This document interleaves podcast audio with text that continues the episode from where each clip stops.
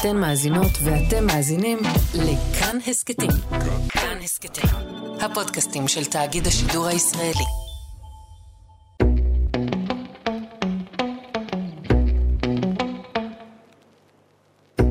היי, היי, אתם איתנו בעוד פרק של יפי נפש, אני מאיה. אני רועי.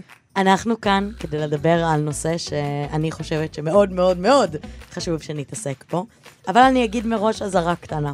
הפרק הזה לא מתאים לכולם, אה, והוא כן הולך להתעסק במיניות. מי שמרגישה לא בנוח, מרגישה שזה לא לגילה. מי שמרגיש שזה לא בא לו בטוב עכשיו, אבל רוצה לשמור את זה לעוד שנתיים, או סתם לא כל כך מתעניינים, וזה עלול לגרום לכם למבוכה, אתם ממש מוזמנים לעבור לכל אחד מהפרקים האחרים שלנו. Uh, הכוונה האחרונה שלנו זה לגרום למישהו להרגיש שזה לא מתאים. אנחנו כן משתמשים בפרק הזה במילים שהן קצת בוטות, בביטויים שהם לא בהכרח ביטויים uh, קלים להאזנה למי שלא מרגיש בנוח, ואנחנו ממש לא ניקח ללב אם לא תמשיכו להאזין.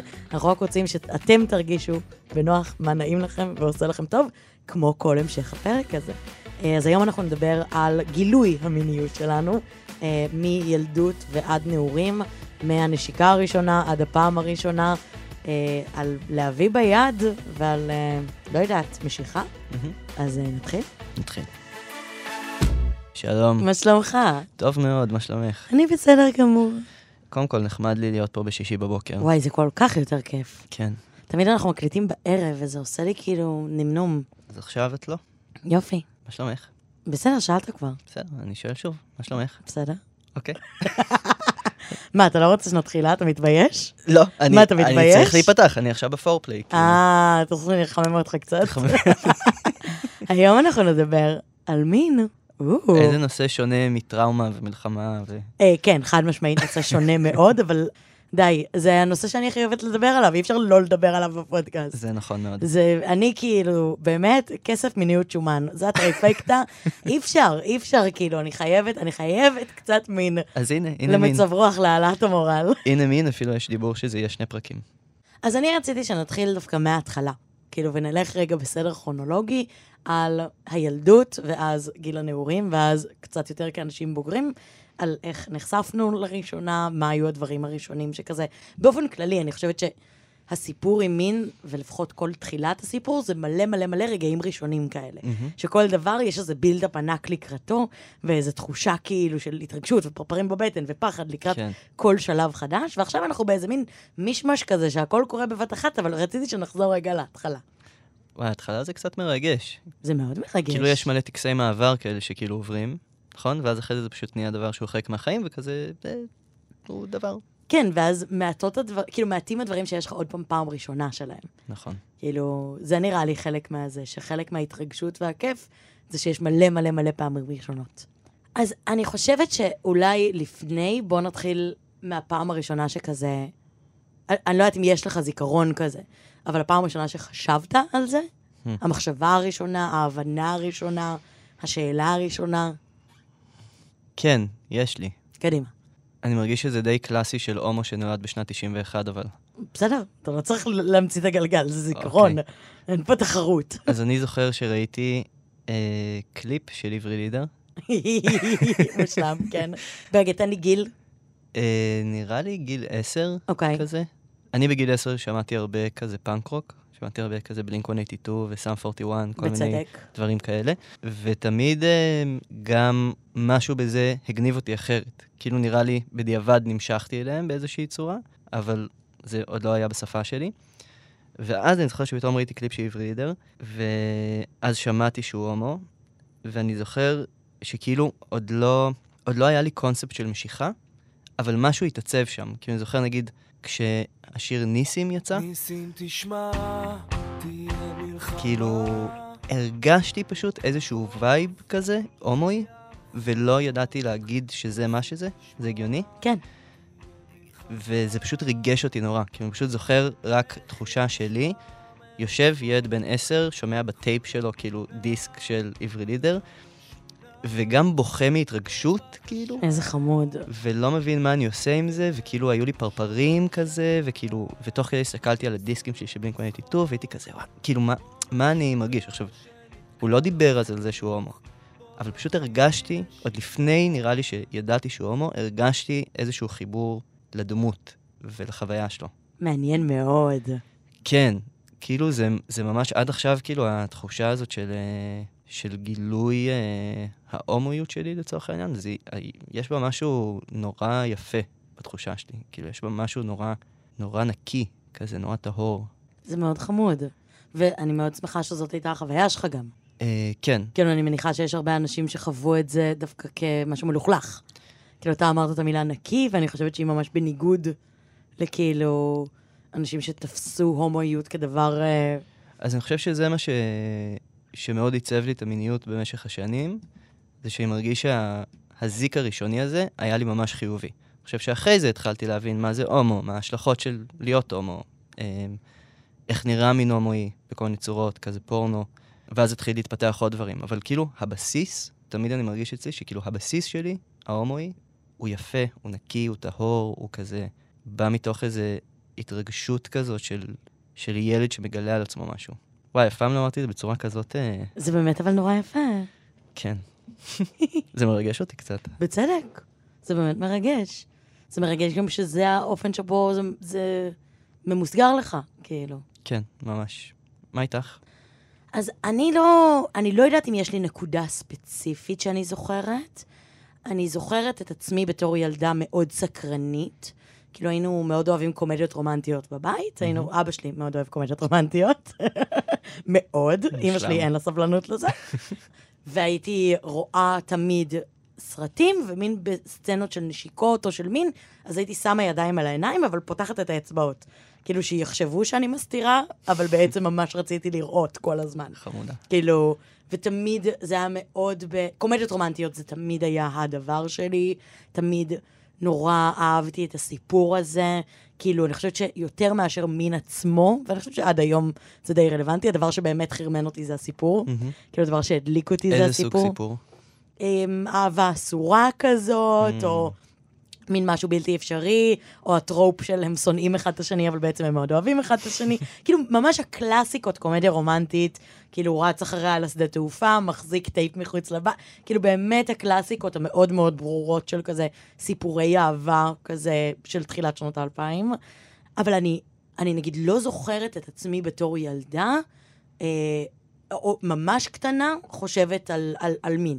כאילו, אני יודעת, נגיד, שיש לי חברות, בנות, שמין כבר בגילאים ממש צעירים כזה התחילו לגעת בעצמן, ומין ההורים שלהם אמרו, לא, זה אסור. אז אני, אין לי זיכרונות כאלה בכלל. כאילו, דווקא, זה דבר שאיכשהו לא קיבלתי מהתרבות בשום שלב. כאילו, מאוד קיבלתי חיווי של רומנטיקה ואיזה סיפור אהבה, אבל לא קיבלתי מין. כאילו, זה הגיע אצלי הרבה יותר מאוחר. אני יודעת שמאוד רציתי להיות גדולה, ומאוד רציתי להרגיש גדולה, אבל בפועל זה לקח יותר זמן. כאילו, הזיכרון השני שיש לי זה מין כזה, וואי, זה הולך להיות מגה ספציפי, אבל היה אתר שנקרא האי של הונינגמן. אתה מכיר? את- אתה יותר לא. גדול ממני. אבל זה היה מין צ'אט אינטרנטי של חברת הונינגמן, not sponsored, ועוד רגע תבינו גם למה, אמ, שמין אפשר כזה להיכנס לאי ולשחק כל מיני משחקים ולצ'וטט עם אנשים. You can chat בכל מיני דמויות. ואני ממש זוכרת את עצמי הכי חותרת לכאילו לדבר עם אנשים על מין. כל הזמן. כאילו היה אסור לכתוב סקס, אז היו כותבים כאילו אפס קוף אפס, או רוצה להזדה כוכבית כוכבית נון איתי, כל מיני דברים כאלה, סתם בתור ילדה, כי כאילו ממש חיפשתי זה, אבל נגיד אף פעם לא חיפשתי פורנו. שזה מעניין בהתחשב בזה שכן הייתי מאוד סקרנית, כן מאוד רציתי כאילו להתקדם והרגשתי זה, אבל גם, אבל גם לא הלכתי אקטיבית למקומות האלה, כאילו זה ידעתי ש- שאסור. גם לך יצא לחפש בגוגל אה, איך מתנשקים? כי אני הייתי כזה, איך עושים, איך עושים נשיקות? מה עושים? ומה גילית? תספרי לי את א', כל יש הטריקים. מלא אתרים שכזה, ממש, מה זה אתרים? כאילו סרטונים ביוטיוב, או אתרים שכזה מתארים מה עושים בנשיקה ראשונה, כאילו כל מיני דברים כאלה. אני זוכרת את עצמי מתאמנת על היד שלי לחלוטין. זה היה בכזה את זה? אתר 4girls או משהו, 4girls.co.il, כאילו. מעניין מה האתר פורומים הזה כזה היום. של בנות. אה, וואו, לא יודעת.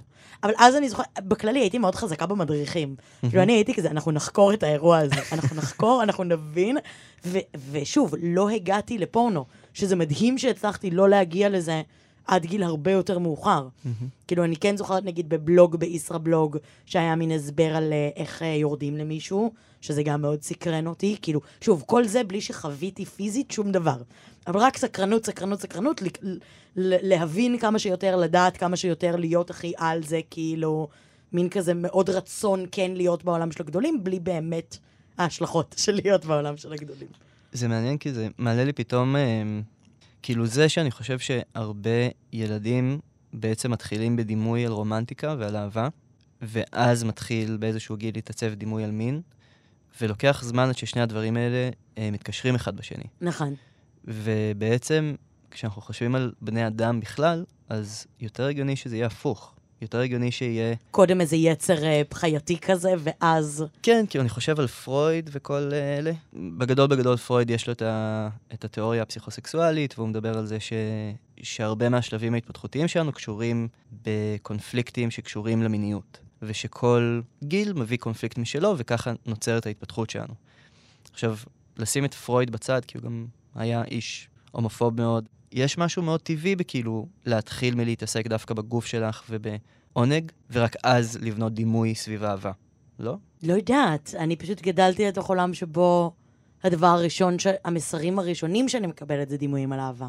הרבה לפני, בטוח כאישה, דימויים על עונג נשי זה דבר שאין עד גיל מאוד מאוחר.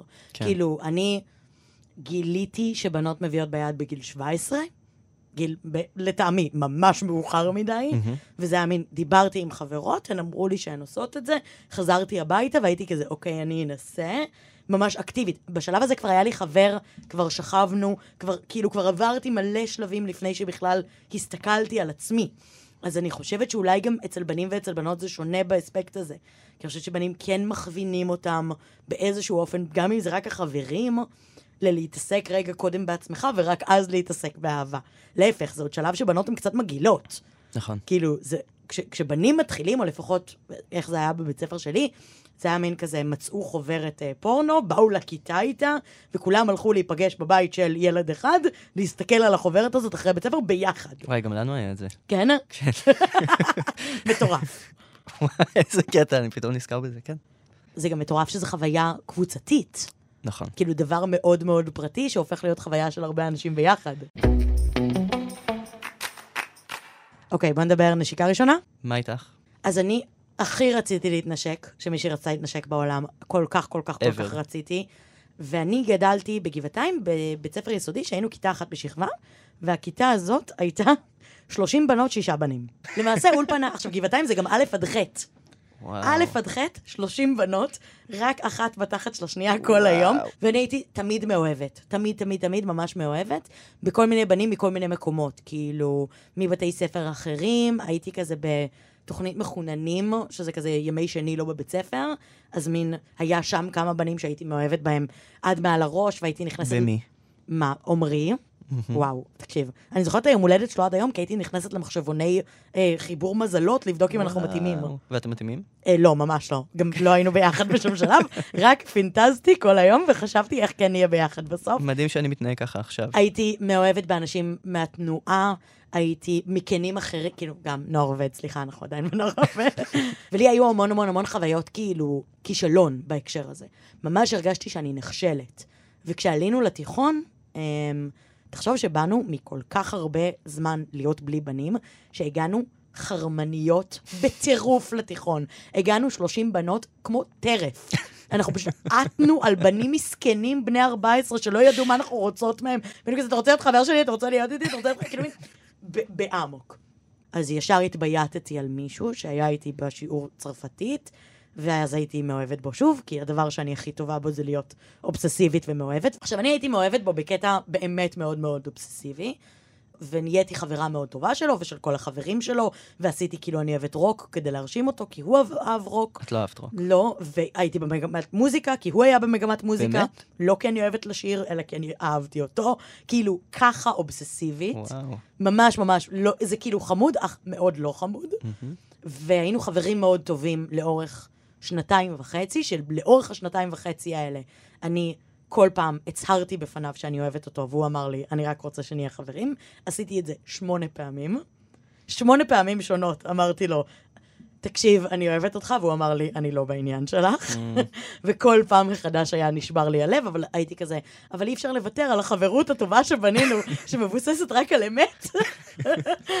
ואז אני החלטתי, בכיתה י"א, גיל 17, שאני הולכת להתנשק לא משנה מה, ונסענו לסמינר פולין בלוחמי הגטאות. מקום איפה רומנטי. שכל הדברים קרו. בדיוק, המקום שבו הכל מתחיל.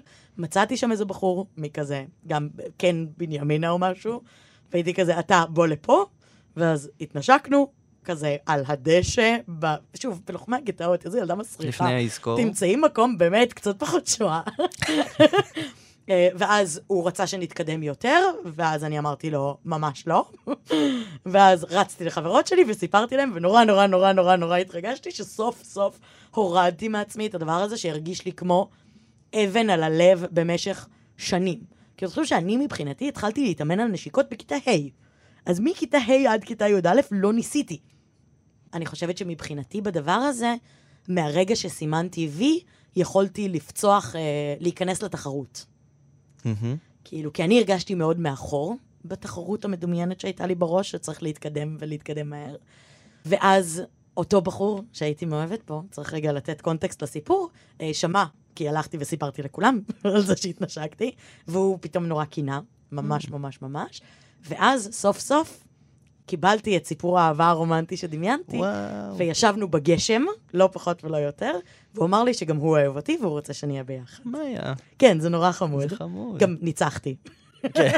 ואז ירד לי ממנו, ו... לא, ממש לא. לא, אז היינו ביחד ארבע שנים. אה, באמת? הוא הבן זוג הראשון שלי. הלם. כן, כן. גם צריך לומר, הוא בן אדם באמת מקסים, שפשוט נפלתי עליו בהרבה יותר מדי אינטנסיביות ביחס לסיטואציה. הוא רק בן אדם טוב, אין לי דברים רעים לומר עליו, כאילו, באמת, אני פשוט הייתי הרבה יותר מדי בשביל מתוק. כאילו ילד מבולבל בכיתה ט'. זה מתוק. קצת אמרתי את זה קודם. אני חושב שזה מעניין שאנחנו עושים את החיבור בין אהבה למין ישר כשאנחנו מתחילים את הפרק הזה. זה לא כזה טריוויאלי. נכון. אני, אני אסביר למה. אני חושב שכאילו אפשר לחשוב שיש בזה משהו שמרני, שמרני ברור למה. כן, נכון? ברור. כי מין המקום היחיד שבו הוא לגיטימי כביכול, זה בתוך מסגרת אוהבת, בתוך מערכת יחסים מחייבת, שאמורה להוביל או קודם מתחתנים ואז עושים, או קודם אה, זה, אבל כן, בהכרח הקשר בין אהבה למין זה, זה דימוי יחסית שמרני. נכון. ואז אני הולך לפוסט-פוסט של זה, אני הולך לעכשיו, לגיל שלנו, ואני אומר, בי יש איזשהו געגוע לזה. לחיבור בין אהבה למין. בחיבור של כולם בין אהבה למין. כאילו, זה מרגיש לי כל כך זר היום, כי פשוט מין זה גם דבר שהוא מאוד משחרר, והוא מאוד יצרי, והוא מאוד כזה קשור בכל מיני דברים, ולא בהכרח במערכות יחסים, וזה סבבה, ואנחנו יודעים להגיד את זה, אבל מרגיש לי שאנחנו כל כך אומרים את זה, שלפעמים אנחנו גם שוכחים שלהרבה מאיתנו, לא לכולנו, אבל להרבה מאיתנו, כאילו, ההתחלה, הקישור היה ככה. כן, אני גם חושבת שבסוף צריך רגע לשים את המילה, שהמילה תמיד בריאליטי, במקום להגיד מין, אומרים אינטימיות. נכון. האינטימיות. יש בינינו אינטימיות, אין בינינו אינטימיות, אבל אני חושבת שדווקא אינטימיות במקום הזה, שכשאנחנו מחברים בין אהבה למין, אני חושבת שהחיבור האמיתי זה אינטימיות. מהמם. של המקום, הרצון הזה להיות קרוב למישהו. הרצון הזה שיראו אותי, הרצון הזה שירצו אותי. כאילו, משהו מאוד טהור וראשוני כזה של, של, כן, כאילו, בסוף כן, יכול להיות מין בלי אהבה, יכול להיות הרבה מין בלי אהבה, וזה לא דבר רע בהכרח. אבל גם יש משהו מאוד יפה בכן לעשות את החיבור הזה. באינטימיות הזאת, בקרבה הזאת, במקום הזה שהוא כאילו מתוך רצון לאהבה. אז אני, אחרי השיחה הזאת עם החברות, שגיליתי שבנות גם מביאות ביד, ועף לי המוח, הייתי כזה, מה, לא נכון. מה? מי ידע? אה, אז חזרתי הביתה, והלכתי לחפש מה לראות, כאילו, לנסות בעצמי. ולא רציתי פורנו, כי זה הרגיש לי מגעיל, והרגיש לי של בנים. ומצאתי באיזה אתר סרטים כזה, אה, סרט אירוטי צרפתי, בצרפתית. אוקיי. שגם קלאסה מצידי, בתור ילדה בת 17. ממש. קלאסה מאוד, אבל גם אני חייבת להגיד שבעיקר מאוד רציתי את הסיפור, כי תמיד הדבר שהכי הדליק אותי זה הסיפור. אז זה הייתה כאילו הפעם הראשונה שלי, וגם הגילוי העצמי שלי הגיע כבר אחרי שהתחלתי להיות בקשר זוגי מיני, שבו, צריך להגיד, המקום שבו התחלתי ממנו הוא מקום מאוד מאוד מאוד מאוד מאוד מרצה. זאת אומרת, לא חשבתי על עצמי בקטע של לא בקטע של התפשרתי על עצמי, בקטע שלא הבנתי שאני צריכה בכלל לחשוב על ההנאה שלי פה. Mm-hmm. כאילו, זה לא עבר לי בראש. מבחינתי, המשימה הייתה שהוא ייהנה, יותר מהכל. ואיך אני עושה, ו- וזה מה שכיף לי, זה מה שאני נהנית ממנו, ואני חושבת שזה גם מאוד מאוד מאוד עיצב את האופן שבו אני מתייחסת למין עד היום. זאת אומרת, בגלל שהתחלתי מתוך מקום שלא חשבתי על עצמי מראש, אז גם לא הבנתי שאני בכלל שיקול באירוע הזה, שאני בכלל חלק, מה, שאני בכלל חלק מההצגה. כאילו, אני הייתי פשוט מאוד מאוד מנסה להיות הכי טובה בלגרום לפרטנר שלי ליהנות. וואי, זה מעניין מאוד. זה ממש שונה מחוויה של הרבה בנים. אני בטוחה. טוב, אני לא יודעת להגיד בעצם אינני בן, אבל אני חושבת שכן יש איזה הרבה לחץ על בנים לפעם הראשונה, לא? יש הרבה לחץ. אני חושב שוב, כאילו, אני, אני מפריד את זה בכל מיני צורות, כי אני זוכר שאצלי אוננות מאוד התקשר לתחושת אשמה. אני לא יודע אם יש את זה גם אצל בנים סטרייטים, או באותה מידה. אני, אני חושב שלכולם יש מידה של אשמה בהתחלה כשמתחילים לאונן. אני בטוחה שיש אשמה. כן. אשמה ובושה, כן, כאילו... וגם מאוד מאוד תלוי אם אתה בא מרקע דתי וכזה, שזה בכלל טאבו וכאלה. אבל כשאני מסתכל על, על הקהילה באופן כללי, אני חושב שהרבה מאיתנו מתמודדים עם ההשלכות של זה עכשיו. כאילו, עכשיו שאנחנו גדולים, אז עדיין כל אחד סוחב איתו איזה ילד קטן כזה, שכאילו, או נער, או לא יודע, אבל את התהליך גילוי הזה, שכאילו יש בו הרבה מאוד בושה והרבה מאוד הסתרה.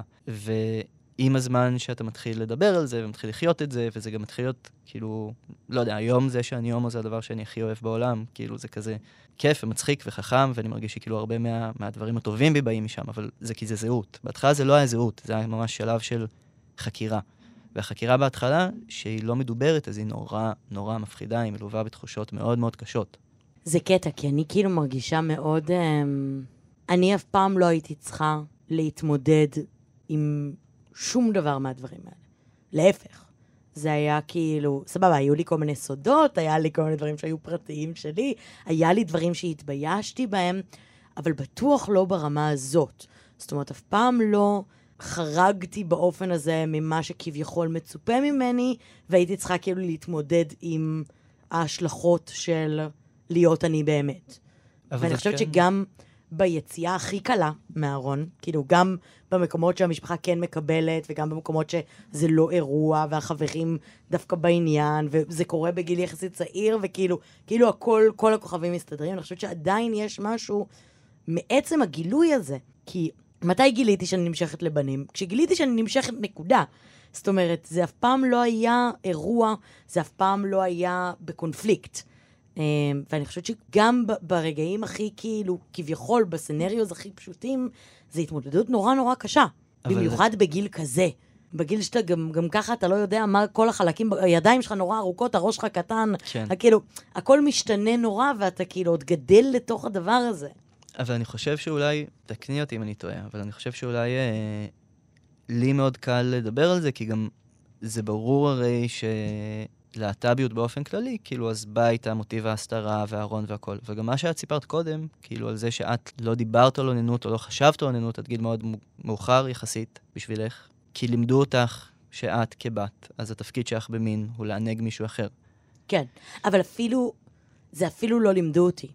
זאת אומרת, לא לימדו אותי שום דבר על מין, למעט טלוויזיה. נכון. למעט סרטים. כן, זאת אומרת, הדרך למידה היחידה שלי הייתה תרבות הפופ. נכון, אבל תרבות הפופ אמרה לך בסאבטקסט של הדבר הזה, שהתפקיד שלך הוא לרצות. נכון. ואני חושב שביחד עם זה נלווה גם תחושות אשם ובושה פשוט אחרות. כאילו, נגיד החוויה הזאת של מגיע לי שיהיה לי נעים גם, זה שאת לא לומדת את זה מההתחלה, אבל בנים לומדים מההתחלה ש- ש- שיש לנו זין, ואנחנו צריכים... והתפקיד שלו זה, זה לתפקד. ואתה המרכז, כאילו אתה תסופק, אתה גם מרגיש את זה. לך, לצורך העניין, כאילו, אז, אז זה יותר היה, זה, זה אקט שאת צריכה להיות חלק ממנו, אבל המרכז הוא לאו דווקא את. המרכז הוא זה שהבחור ייהנה. נכון, לא, גם לקח לי הרבה זמן להשתחרר מהתפיסה הזאת. זאת אומרת, וג, וגם אני באמת לא מאשימה אף אחד, כאילו אין לי פה אצבע מאשימה למישהו. אני הייתי הגורם המניע של הדבר הזה.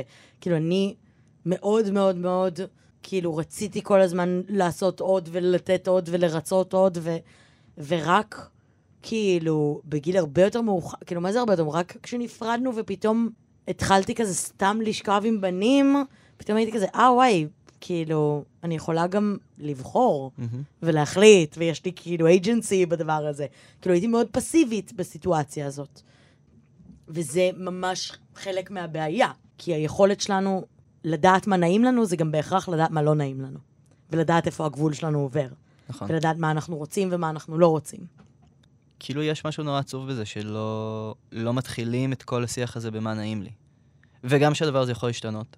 אבל באמת שגם, כאילו, אני חושב שגם אנחנו ניגשים לזה בפחד. זאת אומרת, אנחנו מתחילים תמיד בשיח על מוגנות, וכזה זה שלי וזה שלך, וברור, כי כשאתה ילד, אתה צריך את הגבולות האלה, נכון? כאילו, נגיד, ילדים בגן צריכים לדעת שמה ששלי שלי, מה ששלך שלך, אני לא אגע בזה, כזה. אבל זה עצוב שלאורך ההתבגרות שלנו אין שיח על קודם כל מה נעים. כאילו, ומתוך מה נעים לי, אז גם לפתח איזושהי הכרה בזה שלצד השני יש דברים שנעימים לו. חד משמעית. לא, גם מבחינתי, רק ברגע שהבנתי מה נעים לי באמת, רק אז יכלתי בכלל לבחון את המקום שלי באינטראקציה הזאת. כי זה לא היה אקט של ריצוי יותר, זה היה בדיוק, אקט של... כי פתאום תקשורת יכולתי, מינית. כאילו, כש, כשאני והאקס שלי נפרדנו, ופתאום יצאתי לעולם, והתחלתי לשכב עם אנשים שלא שמו עליי, אבל הייתי כזה, בעצם, אני, אתה לא מרצה אותי, אז למה שאני אהיה פה? כאילו, פתאום בחנתי אותם, פתאום הם היו במבחן ולא אני הייתי במבחן. פתאום זה לא היה האם יהיה מישהו שירצה אותי, אלא האם אני בכלל רוצה אותו. בואו נדבר על הפעם הראשונה? יאללה, הפעם הראשונה. הפעם הראשונה. אז אני, כאמור, דיברנו על זה קודם, הייתי בתיכון, אמ, ומהרגע שנהיינו ביחד, אני והבחור שהייתי מאוהבת בו שנתיים וחצי, אמ, מהשנייה שנהיינו ביחד, אני הייתי כאילו במרתון, הייתי בספרינט. הייתי סופר, סופר, סופר תחרותית, מול חברות, מול עצמי, מול זה, ואני רציתי להתקדם. מהמם. אני הייתי כאילו, אוקיי, התנשקנו מעולה, מה הדבר הבא, מה הדבר הבא, מה הדבר הבא, כל הזמן לנסות לסמן ויים ברשימה הזאת של כאילו זה. עכשיו, הוא קצת פחות היה מוכן, כאילו, פחות רצה לרוץ, וגם תכלס בצדק, אבל אני הייתי באמוק. אמ, ואני כל הזמן ניסיתי להתקדם, והוא כל הזמן ניסה כזה לעצור וזה. ואז החלטנו אחרי משהו כמו חצי שנה שאנחנו עושים את זה, ואז לא הצלחנו. כאילו, לא הבנו בדיוק מה עושים, כי זה היה הפעם הראשונה של שתינו. כאילו, שנינו לא היה לנו מישהו אחר לפני זה. בדיעבד אני אומרת, כאילו, אני חושבת שזה היה חמוד, שזה היה הפעם הראשונה של שתינו, ובאמת, כאילו, זה, אבל, אבל לקח לנו מלא זמן להבין בכלל מה עושים. כי גם לא, אני כאמור לא הייתי בפורנו, לא ידעתי מה אמור להיכנס לאיפה, מה אמורים לעשות, איך זה אמור להיראות. ידעתי שצריך לשים מגבת ושזה עלול לכאוב. זה היד, כאילו הידע שהיה לי בנושא. ומין כזה, כל הזמן ניסינו, לא הצלחנו, לקח לנו מלא זמן להצליח בכלל. וזה היה כאילו קצת מביך וקצת אוקוורד, ולמרות שכביכול הייתי מאוד by the book, של איך פעם ראשונה אמורה להיראות, עם מישהו שאני אוהבת והוא אוהב אותי, וחיכינו מספיק זמן, ואנחנו עושים את זה בנחת בבית וכזה זה, עדיין זה היה חוויה די כאילו מבאסת. כי אני חושבת שהרבה אנשים כאילו חווים את הפעם הראשונה כ... עם ציפייה מאוד מאוד גדולה, ואז איזו אכזבה מסוימת. השתפרנו בהמשך, כן? זה לא שכאילו לא היינו טובים בכלל. פשוט לקח לנו מלא זמן כזה להצליח להבין מה עושים, איך עושים, איך זה עובד. היה מצחיק גם? אז לא היה לנו כל כך מצחיק, זה, זאת הבעיה. כי אני חושבת שנורא הובכנו שנינו אה, מזה שאנחנו כאילו לא, לא מצליחים, והתביישנו כזה, ש, שמה חשבנו לעצמנו, כאילו, ולא היה לנו עם מי להתייעץ או עם מי לדבר, כאילו זה היה רק אנחנו. היה כן פעם אחת שאני זוכרת שהיה מצחיק, שניסינו ולא הצלחנו, וכבר זה כן היה מצחיק. אה, אבל שוב, בגדול זה כן, זה לא זכור לי כחוויה טראומטית או רעה במיוחד, זה פשוט לא היה כיף, כאילו, היה לי הרבה ציפיות למה אני ארגיש, ובסוף זה היה פשוט מין דבר כזה. זה קטע, כי אני חושב שהרבה פעמים אנשים באים עם האשמה והבושה הזאת גם לפעם הראשונה, וזה מתחיל להתעצב שמין, בשביל שהוא יהיה סקסי, אז חייב להיות אה, לא מדובר, וגם לא מצחיק, וגם לא קליל, ובגלל שהרבה פעמים, גם כאילו עם... גם אחרי שאתה עושה מין כבר הרבה מאוד זמן, אז עדיין פעם ראשונה עם מישהו, או פעמים ראשונות עם מישהו, עדיין יכול להיות מביך. כי- לגמרי, לגמרי. כי זה עוד גוף שאתה לא מכיר. ונראה לי שכאילו אנחנו כל כך יצרנו לנו איזה פאתוס סביב מיניות, שזה צריך להיות כאילו סקסי כזה, וזה, שאי אפשר שיהיה צחוקים רגע. כאילו שמשהו... שמשהו לא יעבוד ויהיה מצחיק. אבל אני פשוט אומרת שברגע שניתן מקום למבוכה, זה בדיוק העניין, שאני לא חושב שיודעים לעשות את זה, בטח לא כזה בגיל תיכון. בטוח, לא, לא, לא, זה קשה, זה קשה. גם. אחרי זה קשה. כן, כן, כן, אבל אני, אני אומרת, זאת השאיפה מבחינתי. זאת אומרת, השאיפה היא לא שזה יהיה מושלם, וורדים וכינורות ונרות, אלא שזה יהיה נעים ומכיל. כן, כאילו אם הדימוי על סקס פשוט היה כיף ולא סקסי, ממש. נכון? נכון. אם זה היה, עכשיו עושים בילוי, ולבילוי יש כל מיני צורות, זה יכול להיות מאוד כזה חושני, זה יכול להיות מאוד ונילי, זה יכול להיות כל מיני דברים, אבל ה- העיקר זה הכיף ולא האווירה סביב זה, כאילו לא, לא הסקסיות, אז וואו. לגמרי. טוב, אני רוצה שנרחיב על זה גם בפרק הבא. כשדיברנו על הפרק הזה, אתה אמרת, אני לא יודע אם יש לי כאילו בשורה חדשנית לתת. ואני אמרתי, לא צריכה להיות בשורה חדשנית, פשוט צריך להיות שיחה. כי אני חושבת שלא משנה כמה אנחנו כאילו מרגישים פרוגרסיביים ב-2023 ו-whatever, עצם השיחה, כמו השיחה שחברות שלי עשו לי בגיל 17, שגילו לי שבנות מביאות ביד, הדבר הזה שינה את מסלול חיי. כאילו, ועצם המפגש של אנשים לדבר על מין בצורה פתוחה, מבחינתי הוא האבן הראשונה בדומינו.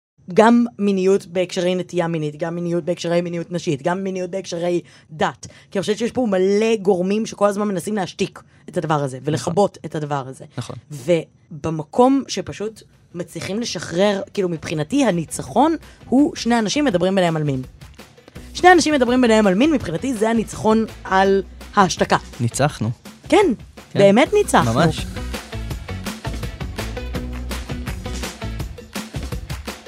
אז אנחנו סיימנו את הפרק של היום. סיימנו את הפרק. אנחנו בשבוע הבא נגיע עם עוד פרק על מיניות, אבל כאנשים בוגרים. אם חשבתם על מישהו במהלך הפרק הזה, כן, אתם. מוזמנים לשלוח. אני חושבת שזה יכול לפתוח שיחה מעניינת, ושיחה על מיניות זה מה שמנצח את כל הדיכוי בעולם. סתם, לא הכל, אבל הרבה. אמ, ובטוח זה עוזר לכולנו להרגיש קצת יותר בנוח. אז אולי במקום לדבר ישירות אם אתם מובכים, אתם יכולים לדבר דרכנו. יכול להיות נחמד. נכון. אז תודה רועי. תודה, מאיה. תודה לדניאל מאואר שעורכת אותנו. את כל הפרקים של יפי נפש אפשר למצוא ביישומון של כאן, באתר כאן ובכל יישומוני ההסכתים. תודה רבה, ביי יוש. ביי. Yo, I don't think we should talk about this. Come on, why not? People might misunderstand what we're trying to say, you know? But that's a part of life.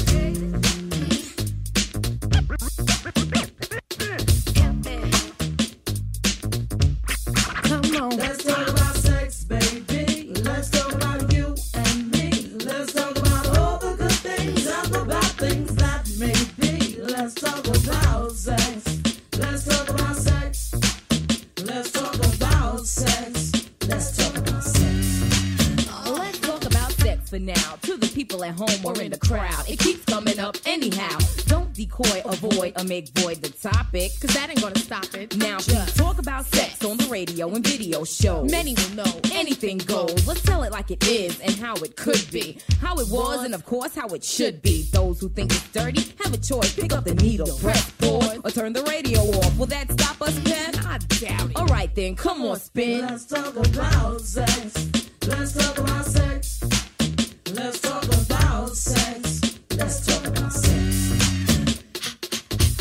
Trap, make any man's eyes pop. She use what she got to get whatever she don't got. Fellas drew like fools, but then again, they're only human. This chick was a hit because her body was booming. Gold, pearl, rubies, crazy diamonds. Nothing she wore was ever common. Her dates, heads of state, men of taste, lawyers, doctors. No one was too great for her to get with or even mess with. The press, she says, was next on her list. And uh, believe me, you, it's as good as true. There ain't a man alive that she couldn't get next to. She had it all in the bag. She should have been glad. But she was mad and sad and feeling bad. Thinking about the things that she never had. No love, just sex. Followed next with a check and a note. That last night was dope. Dope.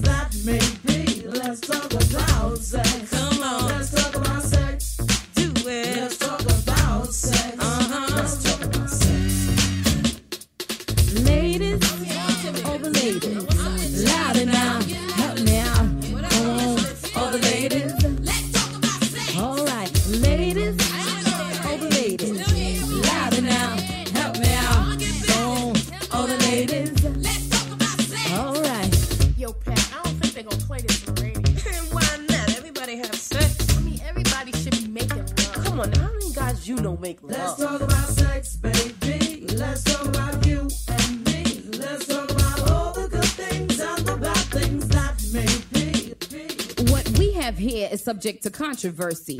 A three letter word some regard as a curse. See, he may fiend and have a dream because he's seen a teen in tight jeans. What makes him react like that is biological. The scheme on getting in those jeans is diabolical. But of course he does it and she gives him rap. And before you even know it, they jump in the sack.